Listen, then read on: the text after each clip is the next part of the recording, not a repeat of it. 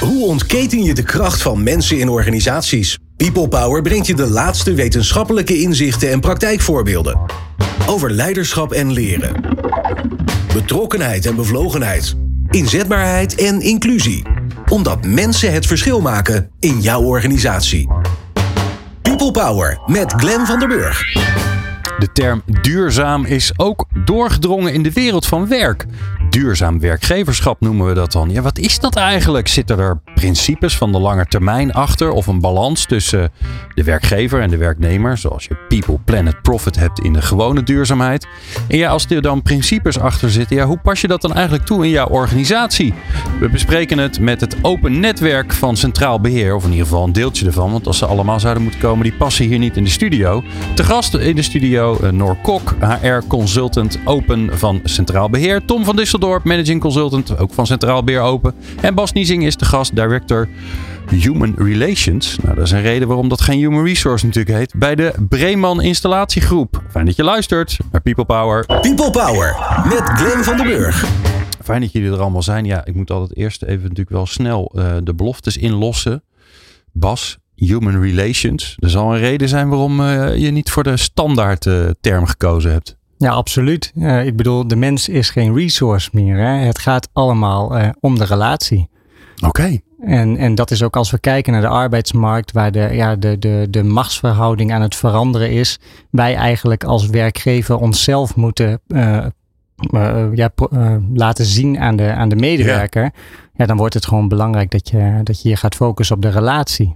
In plaats van dat je maar poppetjes gaat schuiven. Absoluut. En FTE's en zo. En al die woorden die voor afstand zorgen. Nou, we zijn nu al vrienden geworden. En we, we, we, geloven elkaar nu al heel erg. Want ja, je bent natuurlijk bij People Power te gast. Hè? De, dus dat past hartstikke goed bij elkaar. En we gaan het hebben over duurzaam werkgeverschap. Nou, een prachtige term. Ik ben nu al voor, denk ik. Maar ik weet eigenlijk niet wat het is. Tom, help ja. mij eens even. mag ik het oplossen? Ja, ja we, we, we, gaan gewoon even een rondje. Dan mag iedereen er wat aan toevoegen. Want... Nou, ik, ik moet zeggen, ik was heel blij met de manier hoe, uh, hoe Bas dat, uh, dat verwoordt. Um, als je kijkt naar HR inderdaad, human resource. Ik, uh, ik heb al wat langer een soort, nou, groeiende afkeer van het woord resource. nou, nee, maar ja, ik kan er ook om lachen, maar ik bedoel het ook echt wel serieus. In de zin van, we zijn heel erg gewend om resources, om die uit te nutten.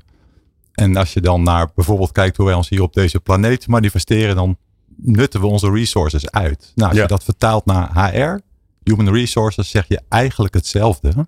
Ja, hoe krijg ik er zoveel mogelijk uit? Ja, ik, ik vind daar wat van. Ja. En dan denk ik, ja, ik zou die R best wel willen behouden. Maar dan inderdaad het over relaties hebben en niet over resources. Ja. In relaties investeer je en resources nut je uit. Dus je, je ziet wel al steeds meer people, hè? Eh, head of people. Of, eh, dus die, die, die HR, men, HR-term die begint al een beetje ruimte te maken ook voor andere opties. Zeker. Mij. En ik denk ook dat het in de tijdsgeest past. Ik denk wel eens HR, hè? Human Relations, is ook een soort ja, spiegel van de tijdsgeest waar we, waar we in zitten. Ja. En daar waar we zien hè, dat, dat niet alleen organisaties, maar in de hele samenleving duurzaamheid steeds centraler komt te staan, dan is het een hele logische dat je het niet meer over resources gaat hebben, maar over people, over ja. ontwikkeling, uh, kansen van mensen, inclusiviteit, diversiteit, et cetera. Dus ja. daar past die mooi, denk ik. Ja. En hoe geef je dan invulling aan zo'n, dat is natuurlijk een mooie nieuwe term, duurzaam werkgeverschap. Ik zei het al even in de intro, hè. Ja, duurzaamheid heeft natuurlijk met de wat langere termijnen, de effect op de langere termijn, volgende generaties zelfs te maken. Hoe, hoe, hoe geef je dan invulling aan zo'n term duurzaam werkgeverschap? Of is het iets wat ergens vandaan komt dat iemand bedacht heeft? Ja, ik weet niet of iemand het. Ongetwijfeld heeft iemand het bedacht, laat ik het zo zeggen. Um, nou, wat je heel erg ziet is dat de focus verschuift. De focus verschuift veel meer van puur intern naar meer extern. Dus je ziet dat bedrijven ook veel meer om zich heen gaan kijken naar van joh, hoe ik hier met mijn eigen mensen omga. Zou ik dat eigenlijk ook niet moeten doen met de mensen die voor mij werken vanuit een andere hoedanigheid. Aha. Mijn leveranciers, mijn financiële partners, mijn banken, et cetera. Dus je ziet die focus meer naar buiten gaan. En daarnaast zie je ook nog wel dat organisaties ook steeds meer rekening moeten houden en willen houden met hun omgeving. Dus ook de mensen in de omgeving, eh, die spelen ook een rol bij de invulling van duurzaam werkgeverschap. Dus het gaat niet alleen om alles wat zich in je organisatie uh, afspeelt, maar ook wat daar buiten gebeurt. Oké, okay, dus er zit ook die stakeholdersbenadering die je bij duurzaamheid hebt, die zit je eigenlijk ook in veel meer gedacht van wie zijn er allemaal verbonden aan je organisatie. Klopt. Klopt. En hebben daar last van of profijt van. Ja, en dan zou ik het woord uh, stakeholder nog graag willen vervangen voor, uh, voor share. Of nee, andersom. Het is, vroeger waren het altijd heel erg de, de shareholders. De shareholders. En nu gaat het veel meer om de, om de stakeholders. Ja, alle belanghebbenden. Ja. Ja. ja. Noor, heeft, is, is zo'n zo'n hele beweging naar toch wat conscientieuzer nadenken over, goh, wat voor invloed hebben we nou eigenlijk op de mensen om ons heen? Wordt het ook een beetje ingegeven door de arbeidsmarkt? Die, die ook gewoon je misschien wel dwingt. Nou ja, Bas zei het al. Uh, zeker, zeker. De machtsverhoudingen veranderen. Nou, ik denk, ik denk dat we sowieso ten eerste um, een plicht hebben om met elkaar te kijken van hoe, ja, hoe kunnen we nou voor zorgen dat, ze met, dat we met z'n allen zo lang mogelijk zo fijn lekker blijven werken. Ja. Uh, en dan hebben we nog de krapte op de arbeidsmarkt. Dus je, kunt, uh, je ziet meer, veel meer een verschuiving ook ontstaan van de mensen op de arbeidsmarkt. De externe arbeidsmarkt zijn er niet. Uh, dus veel meer verschuiving uh, naar intern ook kijken. Eigenlijk het, het, behoud van je mensen is tegenwoordig meer, meer goud. Ja. dus wat heb je nodig ook om de mensen aan je te blijven binden voordat je de arbeidsmarkt op gaat om ook nog te moeten werven waarvan je weet dat de mensen steeds moeilijker te vinden zijn. Ja. ja, zie je dan ook dat er steeds meer naar intern gekeken wordt Hè, dat, dat die, dat die machtsverschuiving er ook voor zorgt dat mensen gaan kijken, dat organisaties gaan kijken van hoe kunnen we het eigenlijk intern beter doen. want dat is altijd een beetje mijn aanname geweest, maar ook wel mijn geloof. Dat ik denk, ja, voor mij, er kan nog zoveel meer als je mensen laat doen waar ze, wat ze leuk vinden, waar ze goed in zijn. Uh, als je ze wat meer ruimte geeft, als je een beetje de bullshit eruit haalt. als je ziet, nou ja, ik weet niet hoe het bij jullie is bij Centraal Beheer, maar bij de gemiddelde grote organisatie wordt er zoveel vergaderd. En, dat je, en, en er zitten ook mensen bij die zich afvragen, wat doe ik hier? dus als je dat soort dingen eruit kan halen uh, en kan zorgen dat je gewoon echt bezig bent met ja, waar je mee bezig wil zijn en wat ook waarde oplevert voor, uh, voor je klant of voor de maatschappij, zie je ook dat daar steeds meer gebeurt, toch? Want ja, ja de mensen zijn er niet om het maar gewoon weer uh, er vijf bij te halen. Nee, zeker. Je ziet als belangrijke poolfactor waarom mensen bij je komen werken is en blijft ook voor een stuk nog steeds salaris. Ja, en heel veel andere dingen daar gelaten.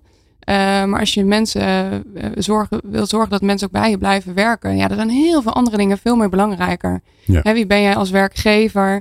Wat betekent je voor de samenleving, voor de organisatie? Maar wat, wat kan je betekenen uh, voor medewerkers?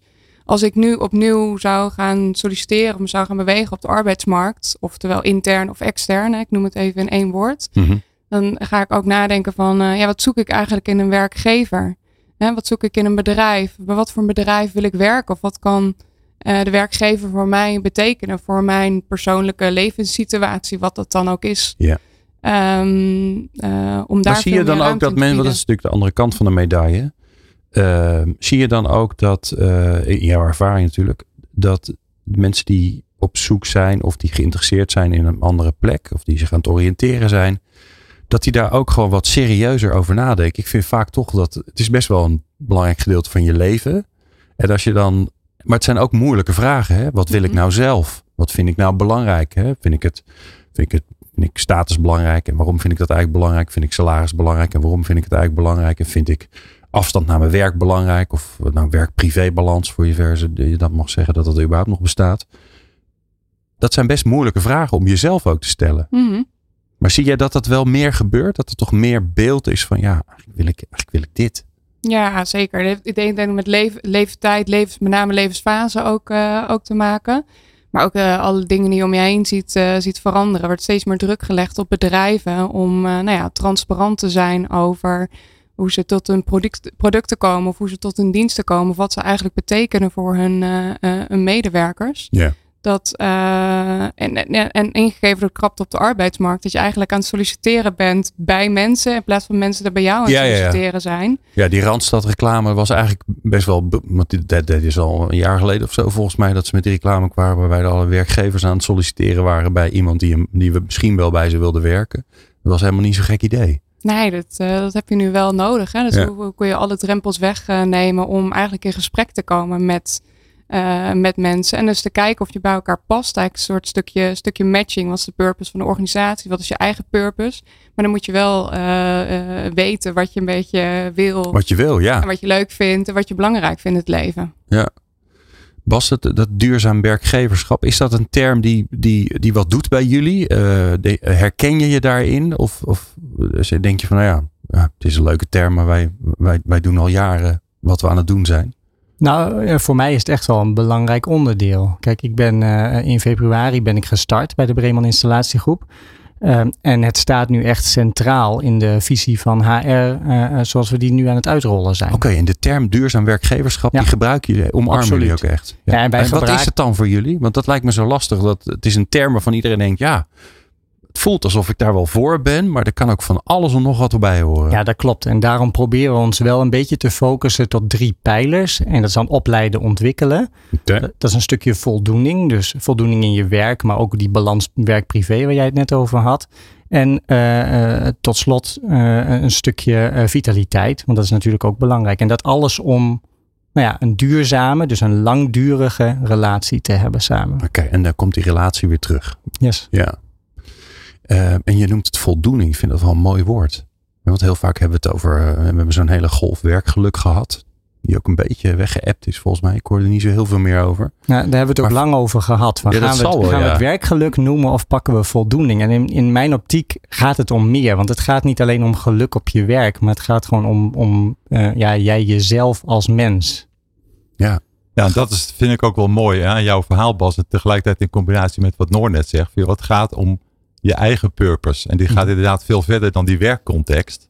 Het gaat juist over hoe sta jij nou in het leven en hoe matcht dat hè, op hoe de organisatie in het leven staat. Het gaat echt breder dan dat. Ja. En dan is zo'n woord als voldoening ja, meer relevant, denk ik, dan het woord werkgeluk. Nou ja, uiteindelijk gaat het er ook om wat natuurlijk een beetje in de organisatie leeft. Hè. Ik heb wel eens bijeenkomsten bij een best wel technisch gerichte organisatie gedaan. En dan deed ik dan een leuke gespreksvorm waar mensen met elkaar in gesprek gingen over de dag dat ze echt on top of the world waren. Waar het helemaal geweldig was in werk.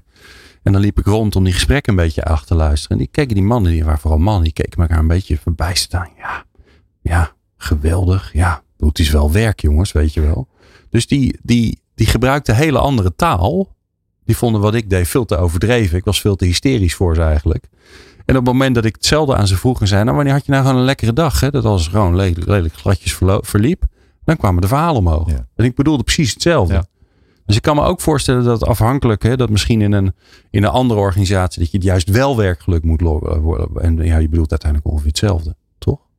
Denk het. Ja, ja ah, niet helemaal dus, Bas. Ja, het, gaat, het gaat ook wel om de invulling die je eraan uh, Ja, dat. aanhangt.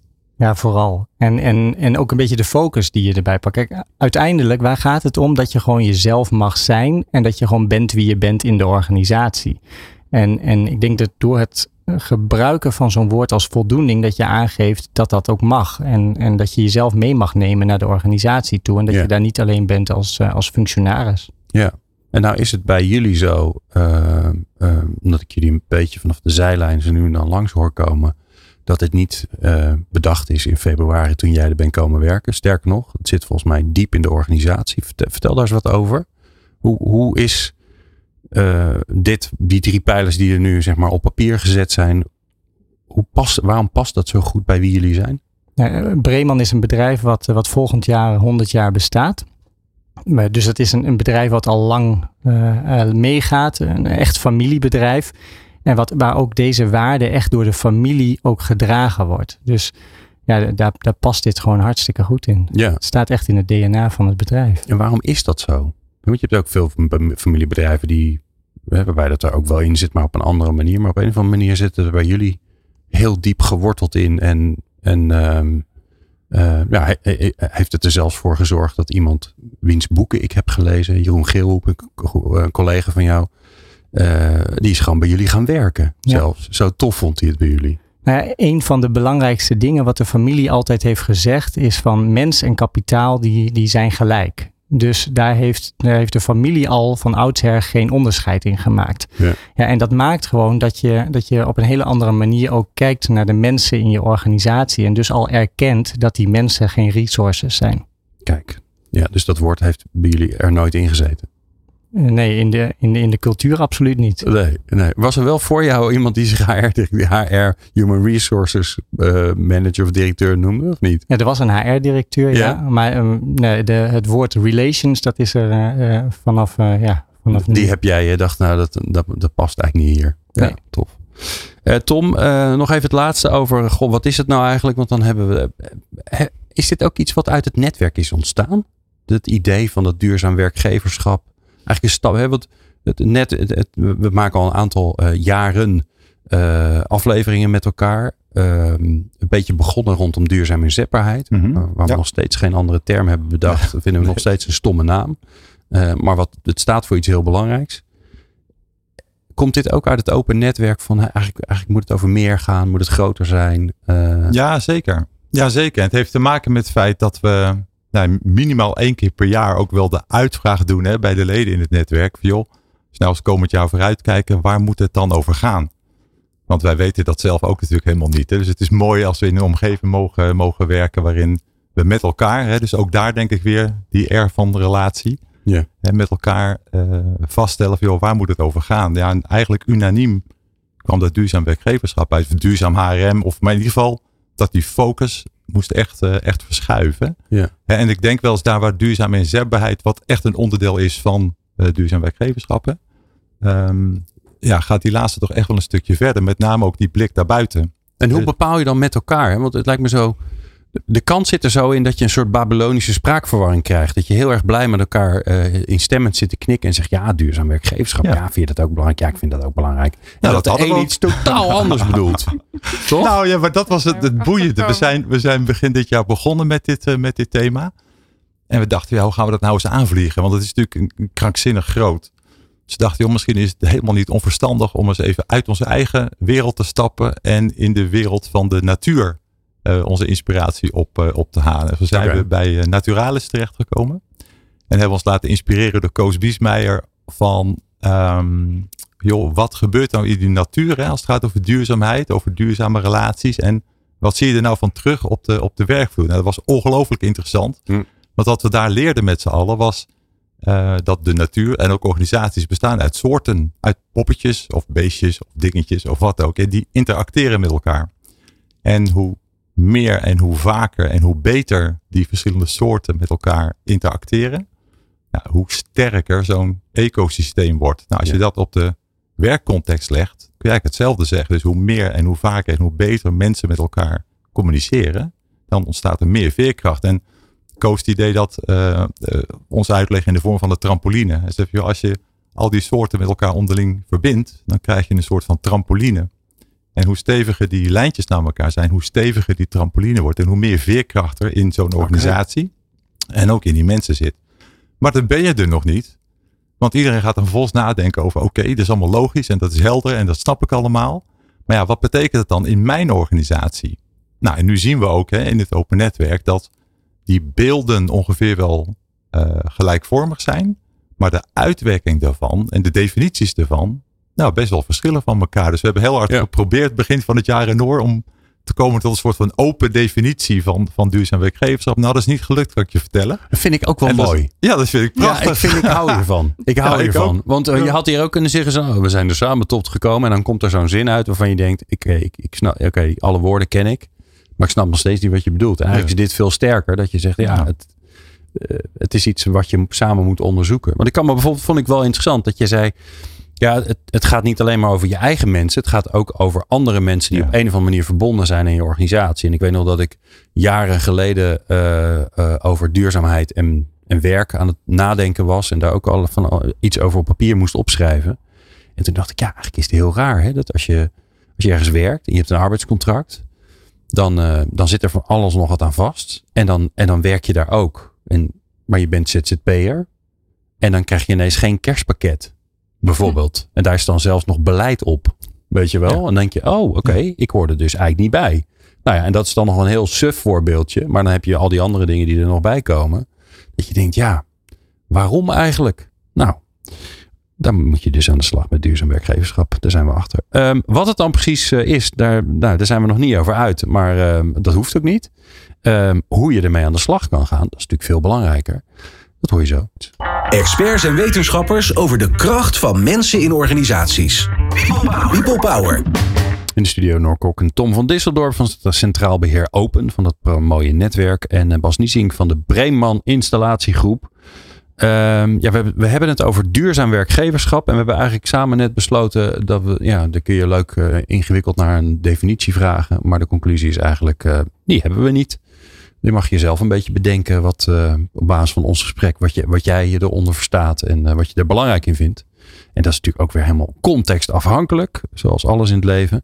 Uh, maar om er toch een beetje een soort couleur, een soort palet te schetsen, vind ik het wel leuk als jullie allebei allemaal een voorbeeld geven van iets wat wel bij duurzaam werkgeverschap past. Dus gewoon iets wat er in, in, een, in jouw organisatie in een organisatie gebeurt. Waar je zegt, kijk, dat is nou echt typisch duurzaam werkgeverschap. Bas, mag bij beginnen? Jazeker. Nou ja, ik denk wat je net al zei over die context, dat is gewoon het allerbelangrijkste. Want het verschilt heel erg per bedrijf. En als ik dan even kijk, omdat ik werk nog maar recentelijk bij, bij Bremen, maar als ik dan even kijk naar een bedrijf waar ik hiervoor heb gezeten. Wat we daar hebben gedaan, is juist heel erg de mensen van de werkvloer aan het, aan het woord gelaten. Dus we hebben met elkaar gezegd, wij willen wat met duurzame inzetbaarheid binnen onze organisatie. Uh, laten we eens met elkaar gaan praten. En toen zijn we eerst eens gaan kijken van uh, welke mensen hebben hier van nature wat mee. En dan krijg je een beetje de, de fietsers en de hardlopers. En dan krijg je alle mensen die ja. wat met gezondheid willen. Die het al doen. Ja. ja. En toen zeiden we daarna, dan zijn we, daar zijn we mee gaan sparren. En toen hebben we gezegd van nou, en nodig nou eens je meest sceptische collega van de werkvloer. Nodig ah. die nou eens uit voor de volgende bijeenkomst. Nou, en zo zijn we begonnen met ja, een stukje gewoon discussie over wat betekent nou duurzame inzetbaarheid voor jou? Wat betekent dat voor je collega? En hoe gaan we dat met elkaar organiseren en wat hebben we daarvoor nodig? Ja, in plaats van dat je vanuit je, je, je verantwoordelijkheid en uh, misschien ook wel je kennis gaat zeggen: Oh, nou weet je, we, we nemen een mooi programma ja, want dan wordt het een HR-feestje. Hè? Met ja. Dan krijg je weer die oude menukaart, die komt er weer bij. Zeker, en, ja, uh, ja. Dus zorg dat je dat echt iets maakt van de, van de mensen en, en, en niet iets van HR. Ja, mooi. Ja, dat is een prachtig voorbeeld. Noor, heb je een leuk ander voorbeeld? Waarvan ja. je zegt, ja, dat is nou typisch duurzaam werkgeverschap. Nou ja, Bas geeft een mooi voorbeeld over uh, kijken naar uh, het in, interne gedeelte bij je werkgever als ik dan kijk ik het ook uh, doorpakken naar, naar, extern. Dus als je gaat kijken van ja, wat voor een, wat voor een organisatie ben ik? Wat voor een uh, mensen zoek ik? Dan weet je ook dat er mensen zelf aan het zoeken zijn, een organisatie van ja, wat, wat drijft mij en past die organisatie daarbij? Heeft die dezelfde purpose? Dus er ontstaat ergens een, een match van vraag en aanbod dat verbonden moet worden.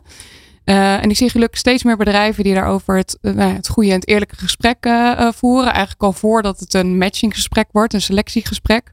Om nou, gewoon eens even ergens koffie te drinken of langs te komen. Of in ieder geval dat stuk met elkaar te onderzoeken. Want mm-hmm. ik denk dat dat duurzaamheid duurt het langst. Als je dat helemaal aan het begin van de rit al met elkaar onderzoekt. Passen we bij elkaar? Ja. kunnen we met elkaar werken? Kunnen we eigenlijk een langdurige relatie opbouwen?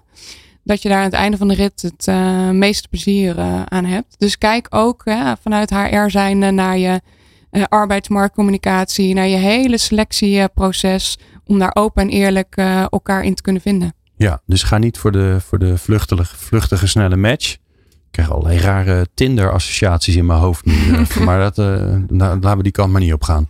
Uh, nee, maar het is niet dat vluchtige van, oh, we hebben iemand nodig en we zoeken de beste kandidaat op allerlei dingen, behalve op cultuurmatch en, uh, en purpose match en, en toekomstige groei.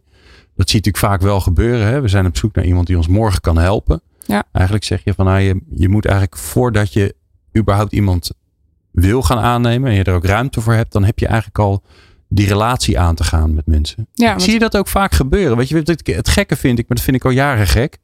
Dat als je, uh, als je dit soort gesprekken met een, uh, met een sales- en marketing afdeling uh, hebt. Dan zeggen ze, nou, we hebben daar een funnel voor. Hè? Dus we, hebben, we praten met heel veel mensen. En we hebben allerlei manieren om contact te komen met potentiële klanten. En dan, en dan ja, we weten dat we van de duizend mensen die we benaderen. En waar we contact mee hebben. Ja, er blijven er uiteindelijk niet zo heel veel van over die klant worden. Uh, maar we, we weten dat dat tijd nodig heeft. En als je dan kijkt naar hoe dat gebeurt in het vakgebied van werk, dan denken we, oh shit, we hebben iemand nodig. Hè? Moet je je voorstellen dat sales dat zegt, oh shit, we hebben een opdracht nodig. Oh, we gaan snel even hard rennen en even snel die opdrachten binnenhalen. Ja, dat, zo werkt het niet. Maar bij, bij onze wereld doen we dat wel zo. Zijn we dat altijd zo gewend geraakt? Ken je voorbeelden van organisaties die, die echt heel erg in contact staan met de mensen die bij hun passen, uh, op termijn een keer bij ze zouden willen gaan werken. Of dat je denkt, nou, die scouten we alvast. Over een jaar of twee, dan uh, hebben we die nodig. Nou, ik heb wel voorbeelden van uh, bedrijven ook in ons netwerk dat veel mensen kijken is van naar beschrijvingen in, in teksten, in profielen, in werkzaamheden. Om het meer vorm te geven als een beschrijving, dat mensen zich daar bijvoorbeeld in herkennen zonder uh, uh, drempels op te werpen of wat je allemaal uh, zoekt. En ik geloof er wel heel erg in dat je dan in contact komt met de juiste mensen, omdat nou, het, het, onderzoek eigenlijk, hè, of we ja. elkaar matchen, dat je dat veel beter waar kan maken. Ja, maar het blijft toch een beetje ja, pas op het moment dat we echt iemand nodig hebben. Oh, we weten, over drie maanden gaat er iemand weg. Over ja, twee maanden gaat er ja, iemand weg. kan alleen gewoon nu niet meer. De arbeidsmarkt is krap. Die blijft gewoon jaren krap. Ja. Uh, dus het, uh, het goud zit in je bedrijf. Uh, of je moet gewoon ijzersterke arbeidsmarktcommunicatie hebben met een verhaal dat helemaal klopt. Ja. Tot in je arbeidsvoorwaarden aan toe. hier sta ik voor en dit kan ik mijn medewerkers bieden. Ja. Dan, ja, dan geloof ik gewoon heel erg in, in de verbindende factor onderling. Die organisaties zijn er nog wel. Hè? Ik, ik weet dat, ik kan natuurlijk nu niet reproduceren, maar ik, een tijdje geleden heb ik een organisatie in de zorg gesproken. En die zeiden ja, wij hebben nergens last van. Maar die hebben dus in de regio zo'n goede naam, dat eigenlijk iedereen daar wil werken. Dat moet je natuurlijk voor elkaar zien te krijgen. Dat dat, dat, dat zo is. is. Hoe is dat bij jullie, Bas? Hebben jullie die naam dat er, dat, dat ze als een soort zwaankleef aan mensen aan jullie willen plakken? Nou, ik denk wel dat we een hele goede naam hebben in de markt. En dat mede door die uh, identiteit uh, ja. die we hebben. Maar ja, ik kan ook niet ontkennen dat we het af en toe wel eens lastig hebben bij nee, bepaalde maar functies. Ja, in de installatietechniek is het natuurlijk, eh, de arbeidsmarkt is krap, maar hier is het nog, nog wat krapper zou je kunnen zeggen. Ja, en, en wat je ook merkt is dat, dat uh, ja, bedrijven die zijn hun grens een beetje aan het verleggen. Hè? Dus waar je voorheen alleen met andere installatiebedrijven aan het concurreren was, ben je nu ook met de grote jongens aan het, ins, aan het concurreren. Want die denken ook in één keer van, ah, nou ja, er zit, er zit daar ook technisch personeel. Ja, ja, en die, Dus- en die, en die, en die, en die, her, herscholen we of die leiden we dan wel een Dat. beetje eh, extra op en dan kunnen ze wel bij ASML of bij weet ik veel wie, Ja, kunnen ze en- ook wel werken. En dat Ja. zijn natuurlijk precies de voorbeelden waar je niet tegen kunt concurreren. Nee, zelfs voor jullie is dat lastig. Ja, Ja, er zit misschien nog wel een ander aspect aan. Hè? Dus inderdaad, hè, kijken naar de mensen in je organisatie. Maar je kunt ook heel veel winst halen uit de mensen die weggaan bij je organisatie. Hè? Hoe gaat er iemand weg? En hoe zorg je dat je met elkaar toch in contact blijft? Ja, het kan best zijn, we zien natuurlijk heel vaak, hè, dat om wat voor reden ook iemand weggaat. Maar wat houdt je tegen om daar veel contact mee te houden? Want misschien wil hij of zij na twee jaar wel terug. Is er een veel betere match dan nu? Of liggen er nieuwe kansen? Of ja. Weet je, dus ook daarin denk ik dat organisaties nog heel veel ja, winst kunnen halen door Ja. dat op een andere manier in te integreren. En die, Ja. en die voorbeelden die hebben wij dus nu ook. Dat, er, dat er mensen zijn, dan, dan wordt er toch af en toe even weer een berichtje gestuurd. Of, en uiteindelijk eh, komen die mensen toch weer een keer terug. Nou ja, wat ik, wat ik zelf eh, eh, meemaak, is dat voor mij gebeuren er twee dingen. Dus iemand gaat weg en die wil misschien, die denkt het gras is groener en het gras is niet groener. En dan willen ze eigenlijk best terug. Maar ja, dat is best wel een stap, hè? want eigenlijk moet je dan zeggen, ik had nooit, nooit weg moeten gaan. Dus dat, daar moet je een beetje bij helpen, denk ik. Maar mensen die terugkomen, die komen terug in de organisatie met frisse ogen. En die zeggen tegen alle collega's, gras is niet groener jongens. Hè? Dus gewoon, het is eigenlijk, hebben we het hier top. Ja, dus daarom is het ook heel belangrijk dat je op een hele goede manier ook uiteindelijk uit elkaar gaat. En dat je daar ook aandacht aan besteedt. Ik bedoel, de, de universiteiten die doen het al jaren. Hè, dat ze een alumni-netwerk eh, werk, eh, aanhouden en, en proberen in contact te blijven. Ja. Ja, waarom doen, eh, doen niet alle bedrijven dat eigenlijk? Hoe doen jullie dat? Web Raymond? Ja, nog veel te weinig. Ja. ja. Nou, die, die staat op je actielijstje Ja. deze. Ja, Ja, ja. het is vaak ook iets wat eh, de wil is dat vanuit HR georganiseerd wordt. Maar vaak is het ook ijzersterk om dan eh, eh, mensen van, uit andere gremium uit je organisatie die contacten juist te laten onderhouden. Mensen toch wel vaak aanhaken op eh nou, een relatie die je hebt gehad of op, Op de, de inhoud van je werk. ja, Dus eh, nou, hoe zorg je iedereen in een organisatie die daar mee helpt? mooi. Tom, ik heb Sure. van jou nog geen voorbeeld gehad van eh, duurzaam werkgeverschap anders Ja. dan wat we gehoord hebben. Nou ja, dan, ik, ik kan het denk ik heel erg dicht bij, eh, bij huis houden. En dat is het, het voorbeeld van, ik denk van Achmea zelf. Mhm. Hè, de, de, de lijfspreuk van Achmea is eh, duurzaam samenleven. Nou, daar zit een heleboel eh, op en aan en aan vast. En dat is goed ook. Ehm, en Achmea heeft die, dat vertaald naar eh, iets voor de eigen medewerkers ook te doen in hun eigen leefomgeving. Dus we hebben sinds dit jaar een klimaatbudget. Wat we mogen besteden aan verduurzaming en vergroening van onze eigen leefomgeving. Dus ook daar zie je hè, dat die focus, als het over duurzaam werkgeverschap gaat, zich niet beperkt tot binnen de muren van Ja. de organisatie, maar ook echt daarbuiten. Ja, dat is een beetje de, de, de- het zonnepaneel van de, van de zaak. hè. In plaats van de, Ja. fiets, de fiets van de zaak, het zonnepaneel van de Ja, zaak. of allebei. Hè, dus ook een elektrische fiets behoort. Dus het gaat erom dat je, dat je dat budget besteedt aan iets wat, wat goed is voor, eh, voor het milieu. Ja. Dus dat is, ik vind dat een fantastisch mooi, eh, mooi voorbeeld. Ja. Ja, ja, en volgens mij, maar daar zullen we onze belastingexperts even op navragen. Volgens mij is, er zelfs, is het zelfs ook interessant gemaakt door, eh, door, de over, door onze vrienden van de overheid. Maar of dat echt gebeurd is, dat weet ik eigenlijk niet. Want ik weet dat dit, dit in de pen zat. Maar of, ja, dat weet ik ook niet in alle eerlijkheid. Ik hoop het wel eerlijk gezegd. Dus ik, eh, ik Ja, hoop hè? ook dat de overheid daar een rol in pakt. En, Ja. ehm, ja. Ehm, dat is een goed, goed bruggetje eigenlijk dit. Die overheid. Want ehm, ja, duurzaam werkgeverschap is natuurlijk prachtig. Het heeft een heleboel voordelen. Je kan eigenlijk bijna niet anders, zeggen wij eigenlijk met z'n allen. Gezien de arbeidsmarkt die niet alleen krap is. Maar lieve mensen, we kunnen het niet vaak genoeg herhalen. Dat gaat de komende twintig jaar ongeveer zo blijven. Dus here to stay. Dus, het, dus eh, ja, je, je kunt gaan zitten wachten tot het weer een beetje minder wordt. Maar dat gaat niet gebeuren. Ehm, maar dat is, eh, klinkt als nice to have. En dat is het niet. Want het is, sommige dingen moeten ook gewoon. Er is ook wet en regelgeving op dit gebied. Sommige dingen moet je ook gewoon doen. En wat dat dan is, dat hoor je zo. Leiderschap, leren, inzetbaarheid en inclusie. De laatste inzichten hoor je in People Power. Ja, en de hele aflevering eh, ben ik maar aan het, hopen dat mijn stem een beetje het overleeft. Want eh, de, voor de oplettende luisteraar die vaker luistert, denk je, ja, klinkt wat, eh, wat, wat warmer en wat rauwer dan normaal. Nou, dat klopt, want ik heb er flink wat dagen kletsen op zitten. En dan op een gegeven moment dan begin je dat toch te merken. Maar dat geldt terzijde. Ehm Norkok in studio, Tom van Disseldorp en Bas Niezing. En ehm, we hebben net al een beetje aangekondigd, duurzaam werkgeverschap. Dat is natuurlijk weer mooi, mooi onderwerp. Ehm, het geeft een mooi, mooie denkrichting met elkaar. Eh, zeker toen we allemaal aan de voorbeelden gingen, werd ik daar wel blij van. Ehm, maar het is niet alleen maar, ehm, het is niet alleen maar goh leuk. Daar, wellicht is dat een mooi denkkader voor ons. Het is ook een beetje moeten. Noor, help ons daar eens mee. Wet en ge- regelgeving, er komt van alles uit Europa. Ja, er komt aardig wat op ons af, maar dat gaat ons ook helpen om eh, invulling te geven aan duurzaam werkgeverschap. Er wordt eh, verwacht in 2024 al en zo meteen verder, maar de eerste bedrijven zijn er al op volop mee eh, bezig om transparant te zijn over ja, duurzaamheid in de breedste zin, maar ook over ja, goede, ja, verant- verantwoord personeelsbeleid te voeren. Ehm, en zijn dat dan die, die welgen, welgenoemde ESG-dingen? Of wat is het, is het, het, het, het, eh, sustainability? eh, God, ik kom er nou niet op natuurlijk.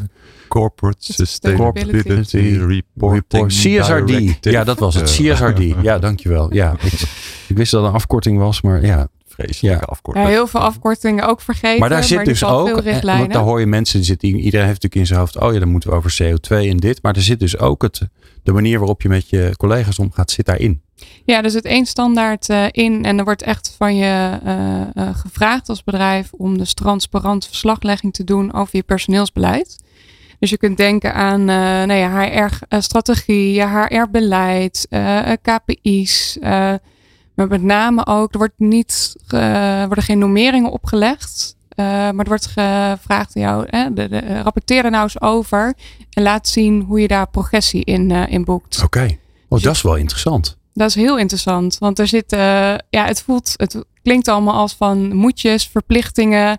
Dat is het ook voor een stuk. Ja. Maar ik wil eigenlijk hier ook de oproep wel doen. Kijk nou eens hoe je het positief kan ombuigen en echt kan gebruiken om je werkgeverschap invullingen te geven. Als voorbeeld, er wordt eh, gevraagd van hoe eh, geef je werk-privébalans? hoe geef je daar ruimte voor om dat goed in te vullen? Of welke opleidingsmogelijkheden hebben eh, krijgen medewerkers? Of eh, hoe divers en inclus is, eh, inclu- inclusief is je, je bedrijf? Ja. Allemaal dingen waar we waarschijnlijk al wel mee bezig zijn. Sommigen wel, sommigen nog niet. Maar dat Maar- zijn best veel grote thema's. Ja, ja. En als je dan inderdaad zegt, nou, je denkt, ik wil er snel vanaf zijn. Nou, niet of nauwelijks. Of je, je bent er kort over. Het is natuurlijk, het is openbaar. Want je moet, hè, van boven de, hoe is dat ook weer? Boven de 500 medewerkers of zo. Nou ja, boven de 250 eh, al. Ja, dus dat is best snel. Dat zijn natuurlijk ook dingen waar, waar eh, mensen die bij je gaan solliciteren, of die denken van nou, is misschien wel een interessant bedrijf, die gaan daar naar kijken. En die denken dan, eh, als daar een beetje een, flauw, flauw, of niet zo stevig verhaal staat, dan denk je toch, nou, Hoe moet ja, ik denk naar dat mee? dit heel, of ik denk, weet wel zeker dat het heel interessant gaat zijn voor bedrijven. En dus ook een grote rol ligt voor HR om hiermee eh, aan de slag te gaan. Want als ik op zoek ga naar een nieuw, eh, nieuwe werkgever, kan ik zo die eh, duurzaamheidsrapportage, dat verslag raadplegen en kijken hoe het ervoor staat op heel veel onderwerpen. Ja. Dus wat vind ik belangrijk hè, dat de werkgever doet? Biedt hij gelijke kansen tussen mannen en vrouwen? Zit er een gelijke beoordelings- beloningssystemen, systematieken eh, in? Hoe divers is het bedrijf nu? Dus eh, je ziet dat bedrijven al heel veel nou, mooie woorden gebruiken in arbeidscommunicatie en terecht. Eh, en nu we kunnen er ook feiten aan gekoppeld eh, worden van ja, wat doe je dan en hoe doe je dan? Dus als bedrijven daar nu niks over gaan vastleggen of een progressie niet laten zien, Ja. ja, die vallen zo meteen keihard door de, door de mand. En andere bedrijven die het goed doen en goed willen doen en dat ook laten zien, ja, die kunnen zich heel erg gaan onderscheiden op de interne en externe arbeidsmarkt. Ja. Goedemorgen zeg, ja. Het grappige is, ik doe en aan de duurzaamheidskant, aan de werkkant dingen, maar deze die had ik nog even nog niet las- langs horen komen. Dus het is wel interessant wat er gaat gebeuren. Want ja, eh, alleen maar op een personeelsbeleid, maar dat eigenlijk alle facetten. Dus dat is toch best wel heel breed. Dat is heel breed. Ja, er zit, er zit nog niet in hoe je omgaat met mensen die niet bij je werken, waarschijnlijk. Ja, zeker. Zit dat er ook Ja. in? Ja, Ja, nee, ja. zeker. Hè? Dus ook hoe ga je om met de mensen die voor jou werken. Dus niet alleen in je organisatie, maar ook voor je organisatie. Dus jij noemde in je intro al het verschil tussen mensen in vaste Ja. dienst en ZZP'ers. Maar dat geldt ook voor de mensen die bij jou komen schoonmaken bijvoorbeeld. Dus hoe ga je daarmee om? En je moet niet voor alles, eh, voor iedereen hetzelfde doen. Maar je moet wel laten zien Ja. dat je ook voor hun eh, met de goede dingen bezig bent. Ja. Ja. Ja. ja. Bas, hoe, hoe gaan jullie? hoe ga- ja, je bent net binnen, maar ja, dit moet al op 1 januari 2024 ge- gefixt zijn. Ook jullie hebben. Ja, wij zijn natuurlijk niet beursgenoteerd, hè, dus dat, dat maakt dan ook Een jaartje wel weer later. eh, onderscheid. heb, je dan een jaar langer de op, eh, tijd? Ja, 2025 is niet gebeursgenoteerde bedrijf. Oh, nou, je hebt nog even. Ja, maar de, de, de voorbereidingen die zijn al in, eh, in volle Ja? gang. Ja. Wauw. En, en, en denken jullie, ah god, dan gaan we weer, er moet weer wat? Of denk je, nou, dit is wel een kans ook weer? ja, van beide kanten. Het voordeel is dat je natuurlijk al heel veel dingen goed doen. Zeker. Ja, dat, dat helpt. Je hebt dat en, te vertellen. En, en tuurlijk, eh, daar komt ook de nodige administratie weer bij kijken. En, en ja, laten we eerlijk zijn, daar zit niemand op te wachten. Maar eh, het is wel voor de, voor de goede zaak. Hè? Ehm, nog andere dingen die moeten weten over de aankomende wet en regelgeving. Dingen die eh, niet alleen maar leuk zijn, maar ook die moeten. Nou ja, kijk, Kom even ja, aan, nou ja, weet je, dringend aan. er moet heel veel, maar niet alles moet nu. Ja. Hè? Dus eh, je hebt nog tijd. Eh, nou, als ik daar een kleine tip over mag, mag geven. Kijk alsjeblieft op de website van de SER. Want daar staan heel veel nou, interessante webinars en meer informatie. Ja. Wa- Wat komt er een beetje op je af? Ehm, dus die, die zou ik echt eh, van harte willen aanbevelen. Maar vooral ook, kijk al wat er nu is in je organisatie op dit soort verslaglegging. Want vaak is er al heel veel. Hè? Met name vanuit nou, bijvoorbeeld eh, carbon footprint. Hè? Er is al best wel veel.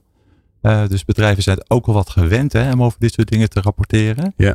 Ehm, maar be- begin er vast mee. Kijk van joh, wat zijn de onderwerpen waar we over willen hè, en over moeten rapporteren. En hoe gaan we dat de komende tijd dan inrichten met elkaar. Wat Ja. vinden we daar belangrijk in? Betrek desnoods ook je omgeving daarop. Hè?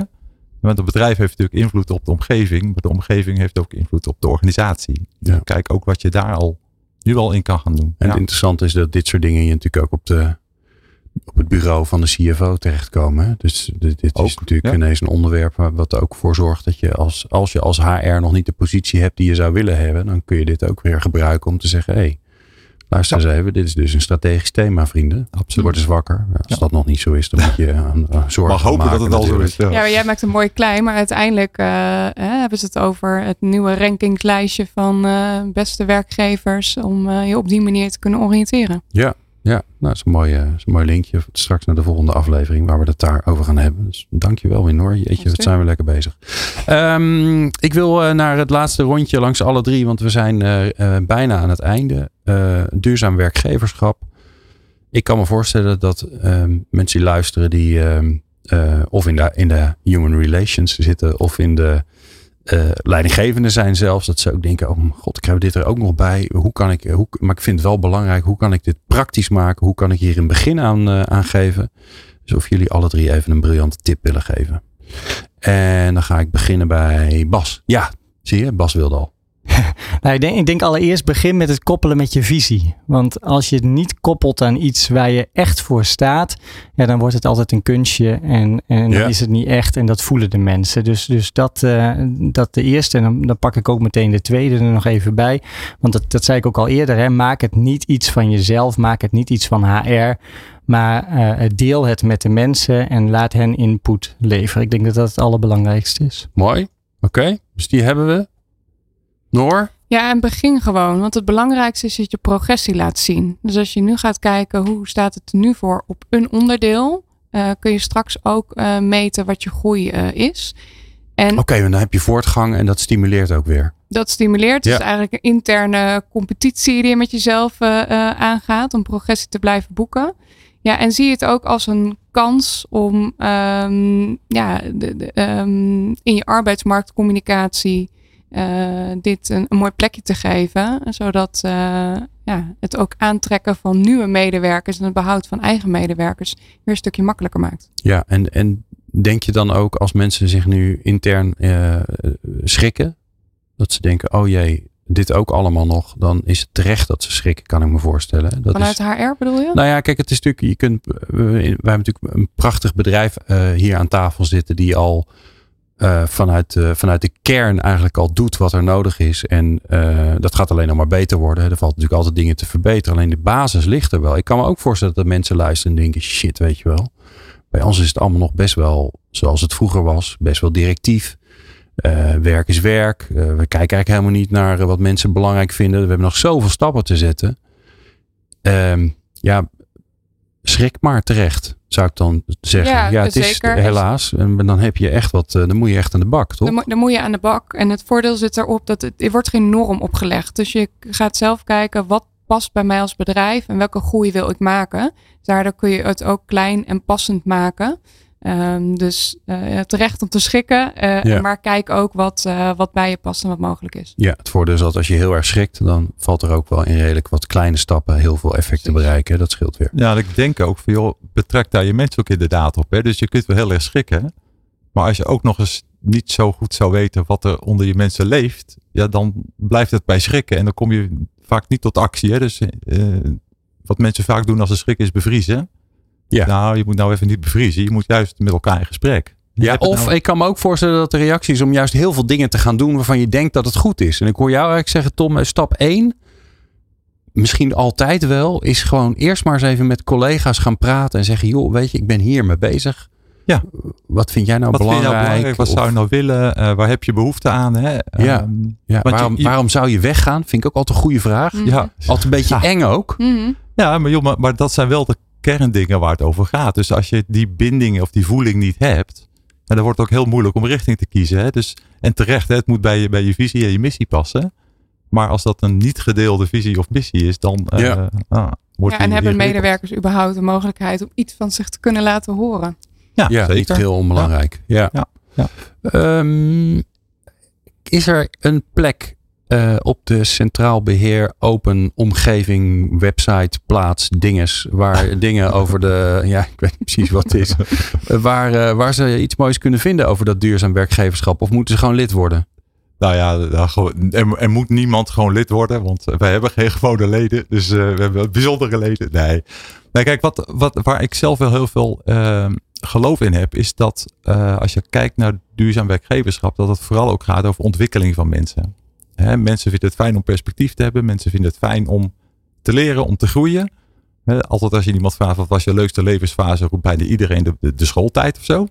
Dus blijkbaar vinden we dat leuk. Dus zorg dan ook dat je je mensen, dat je ze kunt laten ontwikkelen. Eh, en daar hebben wij natuurlijk van allerlei dingen voor bij Centraal Beheer. Laat dat duidelijk zijn. Eh, en maar ja, be- begin ook daar. Want het is eh, heel laagdrempelig. En je kan heel veel goede dingen doen voor je, voor je mensen. Dus eh, Ja, Ja. en voor werk, werk het Nederland en het HR-vak verder brengen. En, eh, Ja. Maar kijk, ook hier weer kijken of je bij elkaar past. Nou, we zullen in ieder geval een linkje naar eh, Centraal Beheer Open ehm, op on, in onze show notes zetten, moet ik zeggen. Zodat jullie daar wat meer over kunnen lezen. En denken, goh, dat is eigenlijk wel leuk om daar een keer bij aan te sluiten. Of mee te luisteren of mee te praten. Zeker. Dan kun je dat daar doen. Ik dank jullie zeer voor deze bijzonder leuke uitzending Noorkok. En Tom van Disseldorp van Centraal Beheer Open. En Bas Niezing van het mooie bedrijf Bremen Installatiegroep. En jij natuurlijk dankjewel voor het luisteren. En ja, je kunt als je live aan het luisteren bent gewoon nog een uurtje door.